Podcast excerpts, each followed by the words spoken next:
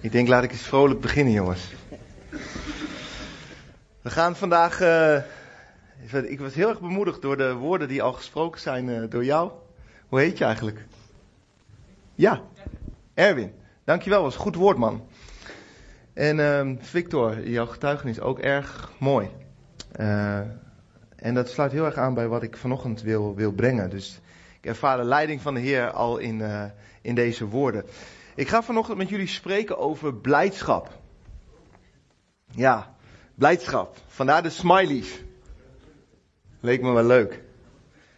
En ik was, ehm, waarom blijdschap? Wel even goed. Ik, ik merk ehm, als, als christen, ik, weet je, als christen ben ik heel blij. In mijn relatie met God ben ik heel erg blij. Met allerlei dingen in mijn omgeving, in mijn leven ben ik heel erg blij. Alleen ik kan die blijdschap ook niet altijd eh, behouden. Weet je, er zijn ook momenten dat, dat ik die blijdschap gewoon echt kwijt ben. En d- dat ik teneurgedrukt ben of uh, niet meer weet hoe het moet en het gewoon niet goed kan pakken. En uh, ik denk dat dat iets is wat bij meerdere voorkomt. Dus het leek me goed om te kijken van wat zegt God over blijdschap. En hoe heeft God tips en trucs om blijdschap te behouden. Want er zijn momenten van blijdschap, maar je kan het, het kan ze ook weer wegvloeien. En ik liep tegen een heel erg interessant stuk aan. In Spreuken 8. En dat wil ik graag met jullie lezen. Spreuken 8 vanaf vers 27. Toen hij, en dat is de Heere God, de hemel gereed maakte, was ik daar. En die ik, dat is de Heer Jezus. Toen hij een cirkel trok over het oppervlak van de watervloed. Toen hij de wolken daarboven sterk maakte, hij de bronnen van de watervloed versterkte. Toen hij voor de zee zijn plaats bepaalde, zodat het water zijn bevel niet zou overtreden. Toen hij de fundamenten van de aarde verordende, was ik bij hem. Zijn lievelingskind. Ik was dag aan dag zijn bron van blijdschap. Te alle tijden spelend voor zijn aangezicht al spelend in de wereld van zijn aardrijk. Mijn bron van blijdschap vond ik bij de mensen. Het moest eventjes zakken bij mij, dit woord, wat de Heer Jezus hier zegt. Moet je voorstellen, er is nog niks en God begint te scheppen. En op dat moment zegt Jezus, ik was daar, ik was daarbij. Je moet je voorstellen, God begint het heelal in plaats te zetten. Hij begint de aarde te maken. Hij begint, hij spreekt en het is er. En de Heer Jezus is daar overal bij.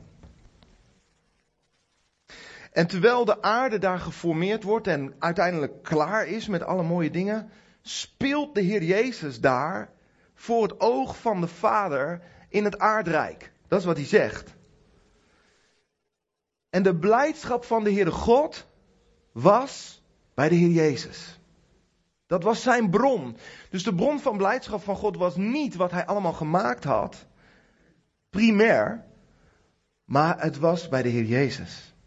En ik kan me dat heel goed voorstellen, want als ik mijn zoon zie spelen en ik kijk naar hem, dan is hij een bron van blijdschap voor mij. Maar dan gaat de Heer Jezus verder. En de Heer Jezus zegt, al spelend was ik daar voor het aangezicht van God op de aarde. En mijn bron van blijdschap waren de mensen. Met andere woorden, als je aan Jezus vraagt, waar word je nou blij van? Dan zegt hij van mensen.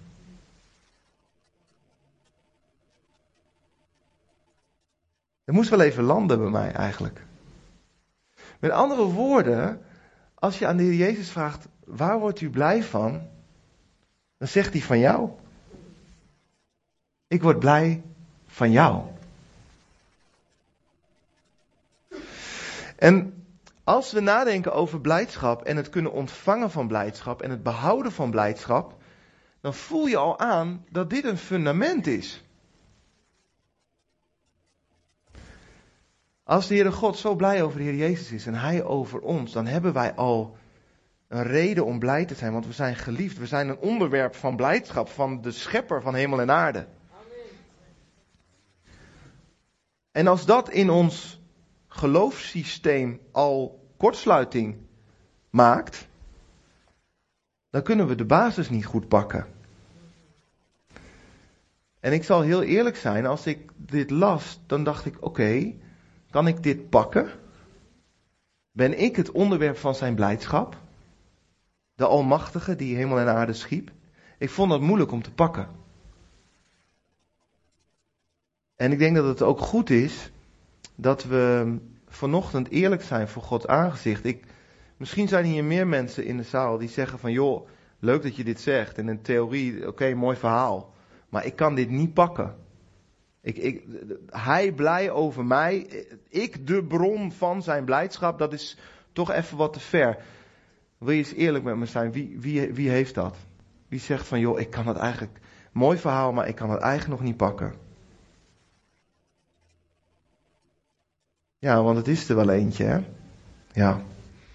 Vader, u bent de enige die ons echt kan laten zien hoe dit zit. Heer, want u doorgrondt onze diepten. Heer, u weet precies waarom we het niet kunnen pakken.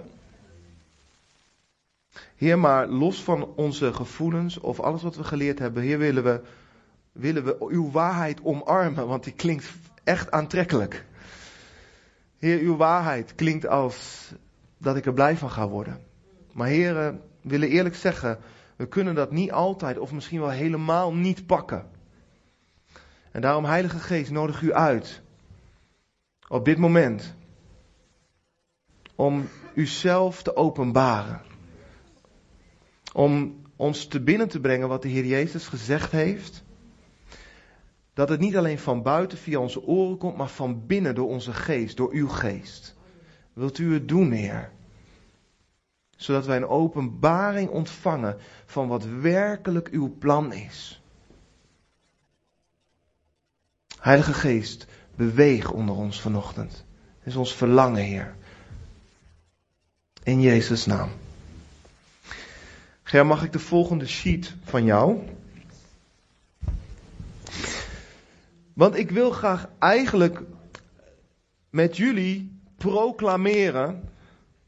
Jezus is blij over mij. Wil je me dat eens nazeggen? Jezus is blij over mij. Nog een keer. Jezus is blij over mij. Amen. Dat is een goed woord. Want het is waar. De Heer Jezus is blij over mij. En als wij dit uitspreken, dan scheppen we ook iets, net als God. Amen? Amen. Want als je het uitspreekt, dan is het er ineens. En het is echt heel interessant hoe God dingen doet in, in soort van cirkels, waar zijn waarden in bewaard blijven. denk je, goh, wat een ingewikkeld verhaal. Maar als, je, als ik van Arenda hou en zij houdt van mij, bedoel, wie weet met mij dat dat uh, versterkend werkt? Ja? Dus uh, ik kan in mijn eentje dat zeggen, maar als ik geen reactie terugkrijg, dan is het nog steeds mooi. Maar als ik reactie terugkrijg, dan gaat het opbouwen, cumuleren als het ware. En ik heb ontdekt dat God zulke cirkels, als het ware, waarin wederkerigheid zit, maakt. Het is zijn design eigenlijk. Hij heeft het bedacht. En als je nou daar leest, hè, dat God zijn blijdschap vindt in de Heer Jezus. En de Heer Jezus vindt zijn blijdschap in ons. Dan lees ik in de psalmen, psalm 37, schep vreugde in de Heer. Dan zal hij u geven wat uw hart verlangt. Dus God de Vader is blij met de Heer Jezus. De Heer Jezus is, heeft, heeft in ons een bron van blijdschap. En het woord van God daagt ons weer uit om ons te verheugen in de Heer. Zie je dat God een cirkel maakt waarin blijdschap en liefde en vreugde bewaard blijft? Amen. Ze verblijden zich constant over elkaar. En in die atmosfeer van blijdschap kan van alles ontstaan. Dat is de cultuur van het Koninkrijk van God.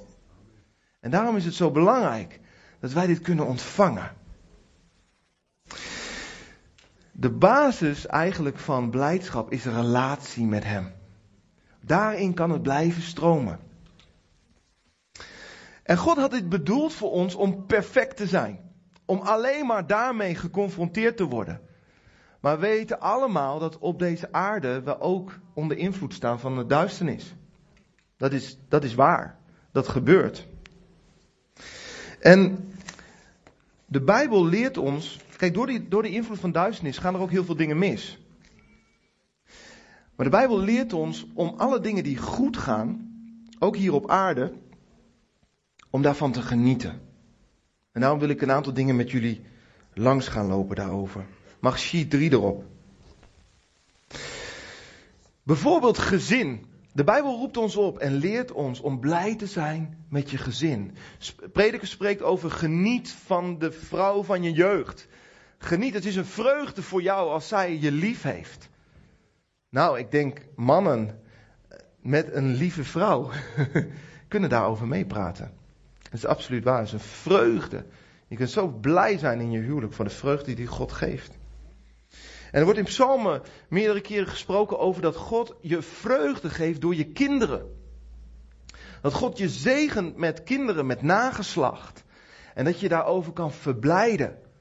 Nou, dat kunnen we ons echt voorstellen. Als je op een gegeven moment een kindje krijgt, is het allemaal heel spannend. En dan komt een kindje en je houdt het in je armen en je smelt. En als het iets gegroeid is en je steekt je hoofd boven de wieg en je ziet die grote lach, papa, dan smelt je. Blijdschap. God zegt, verblijd je daarover, want het is iets wat mij eert en het komt van mij. En als je dan een fase verder bent, word je grootouders. Nou, dat zijn wij. Gelukkig nog niet. We mogen nog eventjes, uh, eventjes uh, wachten daarvoor. Maar ik heb van veel grootouders gehoord dat dat een nieuwe ervaring is. Het is, het is toch van jou, maar je hebt niet alle zorg ervan. Dat mogen je kinderen gaan doen. Maar je verblijdt je over je kleinkinderen, over je nageslacht. Ja, toch? Ik zie hier allerlei blikken uitgewisseld worden. Net ruzie gehad, of was het wel leuk? Ja? ja. Het is een vreugde om daarvan te genieten. En Prediker zegt dat het überhaupt goed is om blij te zijn en te genieten. Gewoon te genieten. Prediker 9 zegt: Ga u weg, eet uw brood met blijdschap, drink uw wijn met een vrolijk hart, want God schept al behagen in uw werken. En hij zegt daarbij, dat vond ik wel heel mooi: Laat uw kleding te alle tijden wit zijn en laat op uw hoofd geen olie ontbreken. dat betekent eigenlijk, terwijl je geniet, Wandel met de Heer en wees vol van zijn geest. Eigenlijk is dat een beeldspraak daarvoor. Geniet.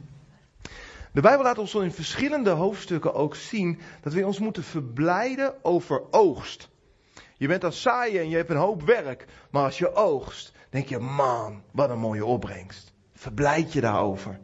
Maar het kan ook in je werk. Weet je, het target is gehaald, nieuwe order is binnen, de klus is geklaard, het probleem is opgelost, het gezin staat weer op de rit in welke, uh, welke werk je ook zit. Wees blij met je resultaat. Wees blij met je oogst. Want je weet dat er soms ook momenten zijn dat je resultaat minder goed is. Die tijden zijn er ook. Verblijd je dan over de tijden die wel goed zijn. Voorspoed. Prediker 7 zegt: geniet op de dag van voorspoed. Laat het niet aan je voorbij gaan. Want je weet, er zijn ook dagen dat het minder is. Geniet dan op de dag dat het je goed gaat. Een andere bron van blijdschap zijn goede woorden. Als je met elkaar omgaat, is het zo heerlijk om te horen: hé, hey, wat zie je er goed uit? Wat doe je dat fijn? Wat leuk dat jij er bent. Toch? Het kan je zo opbeuren. Als iemand zo even tegen je zegt, een goed woord. Verblijd je over een goed woord. Bescheidenheid is goed, maar wuif de complimenten niet weg. Geniet van een woord, want het eert God. Amen. Als jij iets goed doet, heeft hij dat gemaakt. Het eert hem. Het eert hem niet als je zegt, oh, oh, oh, oh weet je wel. Het eert hem als je zegt, ja, dankjewel. Dankjewel. Toch? En wat me ook zo opviel toen ik onderzocht over blijdschap, is dat God zoveel zegt over feesten. God heeft allemaal feesten bedacht. En ook niet van die kinderachtige, echt gewoon zeven dagen gaan, weet je wel. Echt, God is echt een feestgod hoor. Om allerlei dingen te bedenken, om te onthouden, maar ook gewoon om te vieren, om vrolijk te zijn. En wat me daarbij zo opvalt, twee elementen, is samen eten. Samen eten. Sterker nog, niet alleen bij de feesten, maar ook in de eerste gemeente, Handelingen 2, zie je, ze komen bij elkaar. Dat is het tweede element wat me opviel. Mensen die samenkomen is een bron van blijdschap. Gewoon gezelligheid. Gezien worden. Ergens bij horen. Allemaal bronnen van blijdschap. En ze aten samen. En ze, eh, heel eerlijk, in de Nederlandse cultuur zijn we dat een klein beetje kwijtgeraakt. Prijs de Heer voor andere culturen in ons midden. Hè? Ik bedoel, ik zie de, de Indische cultuur lekker makkan makkan samen eten. En dat is goed. Dank je wel dat jullie dat binnenbrengen, want we hebben dit nodig. Jullie hebben dat beter gepakt uit het woord van God dan wij. En uh, we leren graag van jullie. Want samen eten is overal in de Bijbel een vreugde. En is iets wat God eigenlijk instelt. Heel gaaf. Voor wie uiteindelijk de aantekening wil, ik heb hier overal teksten bij, maar ik, lees niet alles voor, maar uh, er zit heel veel in van Gods woord. Hulp is ook zo'n bron van blijdschap. Ook wel een lastige, want het is ook lastig om hulp te aanvaarden soms. Daar hebben we een beetje trots voor. Maar als je geholpen wordt, het is zo heerlijk.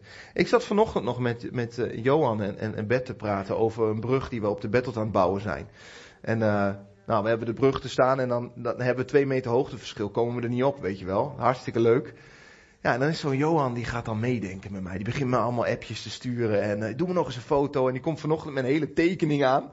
En uh, waar eerst een kwartier uitleg bij moet, anders snap ik het niet. Maar weet je, hoe heerlijk is het als je gewoon geholpen wordt? Denk je, hé, hey, iemand is mijn broeder, hij staat naast mij. Heerlijk. En tot slot, maar er zijn natuurlijk veel meer dingen te noemen, de schepping. Wat is het heerlijk om een zonsopgang te zien en te bewonderen. Weet je, als ik, als ik naar de battle rij en, ik, en ik, uh, het is herfst, alles is rood, geel gekleurd en de zon komt op en het schijnt erop, dan prijs ik God. Hè, Dinant, als jij foto's aan het maken bent in de natuur, weet je, het is genieten van wat God geeft. Kleinste details, een vlinder die je ziet of een graspriet die mooi uitgroeit. Het kan een bron van vreugde zijn. Maar het kan ook aan je voorbij gaan aan alle kanten. Want dat is er ook. We weten allemaal dat deze dingen die ik noem, die je bronnen van blijdschap kunnen zijn, twee kanten hebben. Het kan zijn dat deze dingen allemaal er zijn in je leven, maar dat je ze niet ziet, omdat je niet de bril op hebt om ze te zien. Met andere woorden, eigenlijk kan er één ding in je leven zijn wat je zo ongelooflijk beheerst, dat je, dat je gewoon de rest niet meer kan zien. Je bent bijvoorbeeld zo ongelooflijk geraakt door iets. Of je bent verdrietig. Of je bent gewoon te neergeslagen. Waardoor je al het moois wat er wel is gewoon niet meer kan zien. Je blik is vertroebeld. Je bril is, is, is een zwartkijkbril. En soms is het ook gewoon zo dat de situaties er niet naar zijn. Soms is het gewoon zo dat je oogst mislukt is. Dat je je alleen voelt, dat niemand je uitgenodigd heeft om te eten, dat je geen kinderen hebt, al die dingen meer. Al die bronnen van blijdschap die God noemt, die gewoon ontbreken in je leven. God had dat natuurlijk nooit bedoeld voor ons. En dan is ook het moment waar de duisternis zijn invloed probeert te pakken in ons leven. Duisternis probeert uit te leggen, ja zie je wel, wordt niks met jou. Ja, zie je wel, gaat allemaal mis. God is niet goed, hij heeft je vergeten, verlaten of hij heeft geen zin om naar je te kijken. Zie je wel? En de duisternis komt binnen en met vijandschap voor de blijdschap die God over ons heeft. Want hij probeert de blijdschap die Jezus over ons heeft als een leugen neer te zetten. En andere waarheden in je leven te vestigen. Waarheden die van hem komen, die eigenlijk leugens zijn. Bijvoorbeeld zorgen. Wat kan je teneurgedrukt zijn door zorgen? Als je je toch zorgen maakt over gezondheid, over, over je financiën, dan kan het zo zijn dat je zo daardoor te neergedrukt bent dat je helemaal niet meer blij kan zijn. Totaal geroofd. Allemaal geweldige dingen kunnen gebeuren en jij, jij ziet het niet. Want je hebt alleen maar zorg. Teleurstelling, weet je, je had zo gehoopt op iets. En het is niet gebeurd. Het kan je allemaal even gestolen worden. Je kan, je, je kan het gewoon niet pakken, de blijdschap. Cynisme. Sommige mensen worden helemaal cynisch. En eigenlijk alle blijdschap die God stuurt, die, die, die glijdt af tegen de muur van cynisme. Ja, tuurlijk, zal wel joh. -hmm.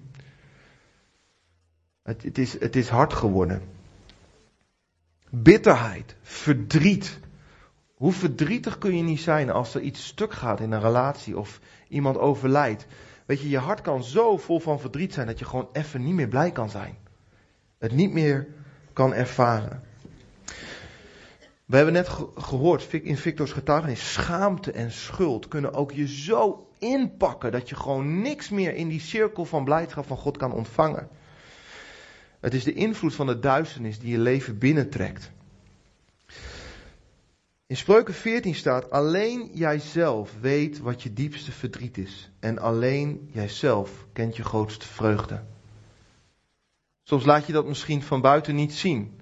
Of je zet nog een goed gezicht op. Maar jijzelf weet hoe het zit van binnen. En dit woord is waar als we het hebben over mensen onderling. Maar gelukkig is er nog een andere waarheid. Dat er nog iemand is die jou door en door kent. Jouw maker, jouw schepper. De bedenker van blijdschap en liefde. Hij, hij kent je. En de Heere God heeft ons gelukkig in deze tijd dat de duisternis nog invloed op ons heeft, wapens gegeven om de dingen van de hemel, als het gaat over blijdschap en liefde en nog veel meer dingen, om die te behouden. Om die te kunnen pakken en om ze te kunnen behouden. God geeft ons wapens om de duisternis te slim af te zijn, buiten de deur te zijn. Het gebeurt door zijn kracht, maar wij lijken op hem. We hebben ook iets in te brengen. Mag volgende sheet, uh, Ger. Dankjewel. Blijdschap door redding. God is onze redder. Er is geen situatie te moeilijk of Jezus kan erbij. Hij was zelfs in het dodenrijk en de dood kon hem niet houden. Er is niks waaraan uit hij niet kan redden. Hij kan het wel. En elke stem die daartegen spreekt, die liegt. Want de Heer Jezus heeft alle macht in hemel en op aarde. En hij kan je redden uit elke situatie. Sterker nog, als jij nou de bron bent van zijn blijdschap, dan snap je ook steeds beter zijn motivatie om alles te geven om jou te winnen. Amen. Toch? En als jij dan van hem afgedwaald bent en je komt terug, dan zegt hij, Lucas 15, dat er grote blijdschap is in de hemel voor één zondaar die zich terugkeert naar God. Onder de engelen is blijdschap. En het wordt gezegd, misschien kennen jullie de gelijkenis wel van iemand die honderd schapen heeft en is er eentje kwijt. En die 99 laat hij veilig achter en gaat die ene zoeken. En hij is pas blij als hij hem gevonden heeft. Hij zegt, en zo is er vreugde en feest in de hemel voor één iemand die terugkomt. Want God wil ons in die cirkel van blijdschap hebben. De cirkel is onderbroken als jij er niet tussen zit. En het doet Gods hart pijn. En hij zit achter je aan totdat je weer bij hem bent. Hij geeft ons een eeuwig perspectief. En dat vind ik zo geweldig, mensen. Dat op de, in deze tijd zijn wij nog onder invloed van de duisternis. We moeten die duisternis ook weer niet een te grote stem geven, maar we moeten hem ook niet ontkennen, want hij is er gewoon. Maar hij geeft ons een eeuwig perspectief. In Jesaja 51 wordt een profetie uitgesproken voor Israël, maar ik geloof dat die ook nog verder gaat. Hij, staat, en het hele stuk is mooi om te lezen, maar eh, vers 11 lees ik. Zo zullen wie door de Here zijn vrijgekocht, terugkeren en met gejuich in Sion komen. Eeuwige blijdschap zal op hun hoofd zijn. Vreugde en blijdschap zullen zij verkrijgen. Verdriet en gezucht zullen wegvluchten. En ik, dit spreekt natuurlijk over Israël, wat verlost wordt van zijn vijanden. Maar het spreekt ook over de mensheid die verlost wordt van de duisternis en voor altijd bij God zal zijn. We krijgen van de Heer een eeuwig perspectief met blijdschap daarin. Mag sheet 5 erop, de volgende sheet, Ger. We krijgen wapens van de Heer door onze wandel met Hem. Bijvoorbeeld, het besef van Zijn liefde voor jou. Het is een wapen waar je in kunt schuilen. Johannes 15 zegt, zoals de Vader mij lief gehad heeft, heb ik ook u lief gehad. Zie je dat daar weer die wederkerigheid in zit? Zoals de Vader dat doet, doet de Heer Jezus dus. En de Heer Jezus roept ons weer op om Hem lief te hebben. En je ziet dat liefde in deze cirkel maakt een cultuur van liefde. En ik denk dat iedereen weet, als jij in een atmosfeer is, bent uh, die liefde uitademt, dan voel je je goed.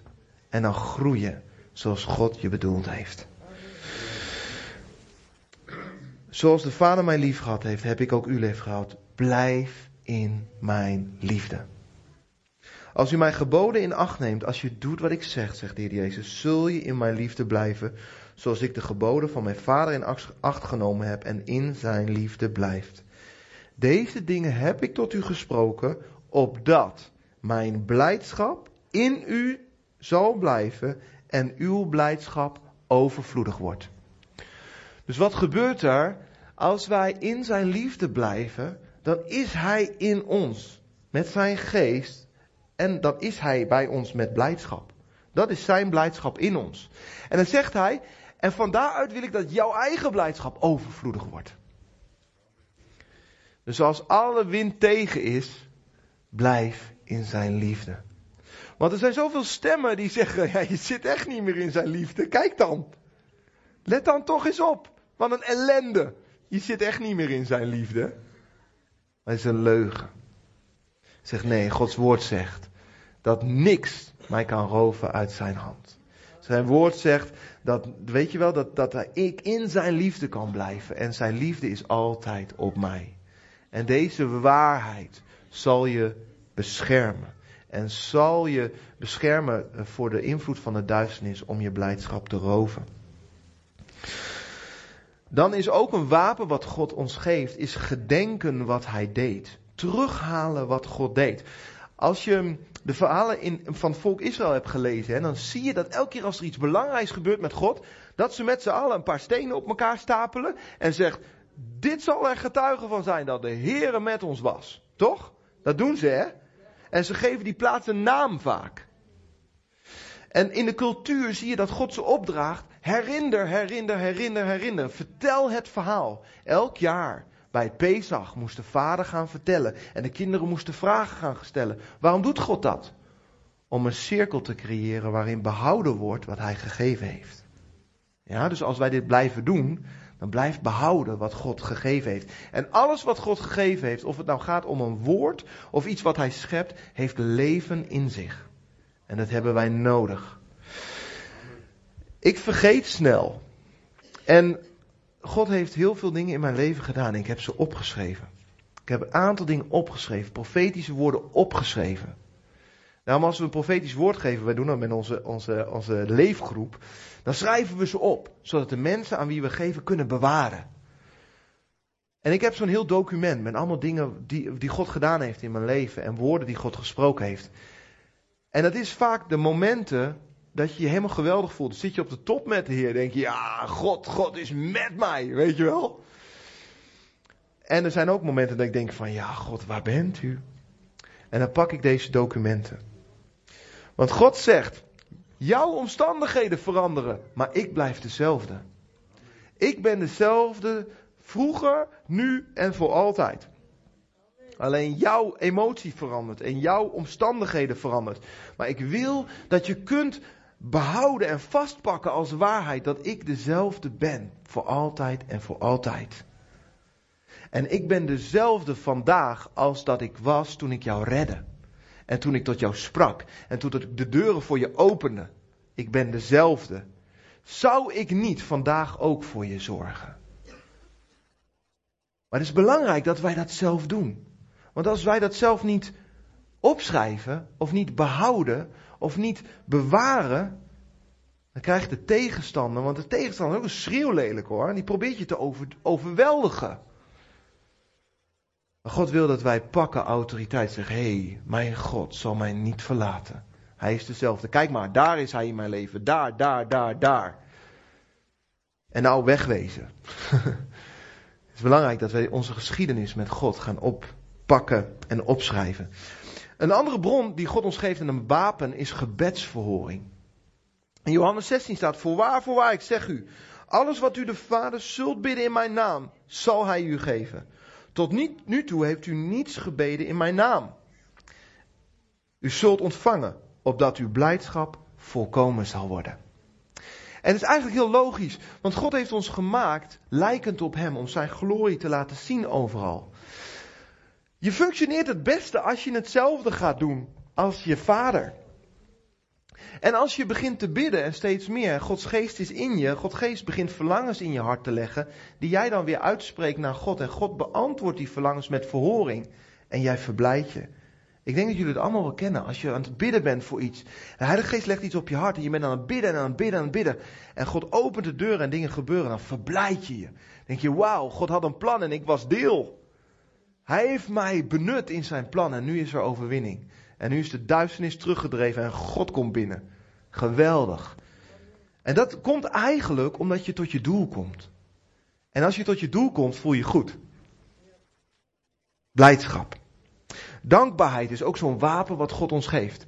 Misschien herkennen jullie wel dat je dan um, soms op tv een een documentaire ziet of zo van iemand uit een superarm land waar alles mis is gegaan, waar je ongeveer mis kon, kon gaan. En dan hebben ze één dingetje en dan zijn ze toch blij, jongen. En dan denk je, oh, ik zat nog te zeuren dat de tv het niet deed, weet je wel. In mijn warme huis met cv en uh, die stomme afstandsbediening, weet je wel. Dan denk je, oh, weet je wel. Met andere woorden, je kunt alles hebben en totaal ondankbaar zijn. Of je kan niks hebben en totaal dankbaar zijn. Maar het is een wapen. Want als jij te midden van allerlei ellende dankbaar bent, kun je blijdschap behouden. Maar andersom is het ook, als er ondankbaarheid je leven is binnengekomen, kan je te midden van totale overvloed en zegen zaggerijnig zijn. En al het leven van God missen. Dat kan ook. Wat God ook geeft is als wapen is muziek en aanbidding. Het is zo'n ongelooflijk krachtig wapen. En op zich, ik zat erover na te denken, heel erg logisch hè. Als God zegt in zijn woord, ik troon op de lofzangen van mijn volk. Moet je bedenken, waar God troont hè, daar is zijn koninkrijk. En waar zijn koninkrijk is, daar regeert hij. En waar hij regeert is geen ruimte meer voor duisternis. Dus in de plek van aanbidding, in de plek waar ik God begin te aanbidden, daar troont hij. En dan moet de invloed van de duisternis gaan wijken. Want waar zijn koninkrijk is, waar hij regeert, heeft dat geen plaats. Ongelooflijk krachtig wapen. En het gaat dus niet altijd over ons gevoel. Hè? God heeft ons een wil gegeven. Ja.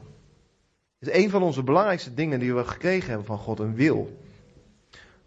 God waardeerde onze wil zo dat hij zelfs een boom in de hof zette en het risico liep dat het misging. Zo belangrijk vond hij onze wil.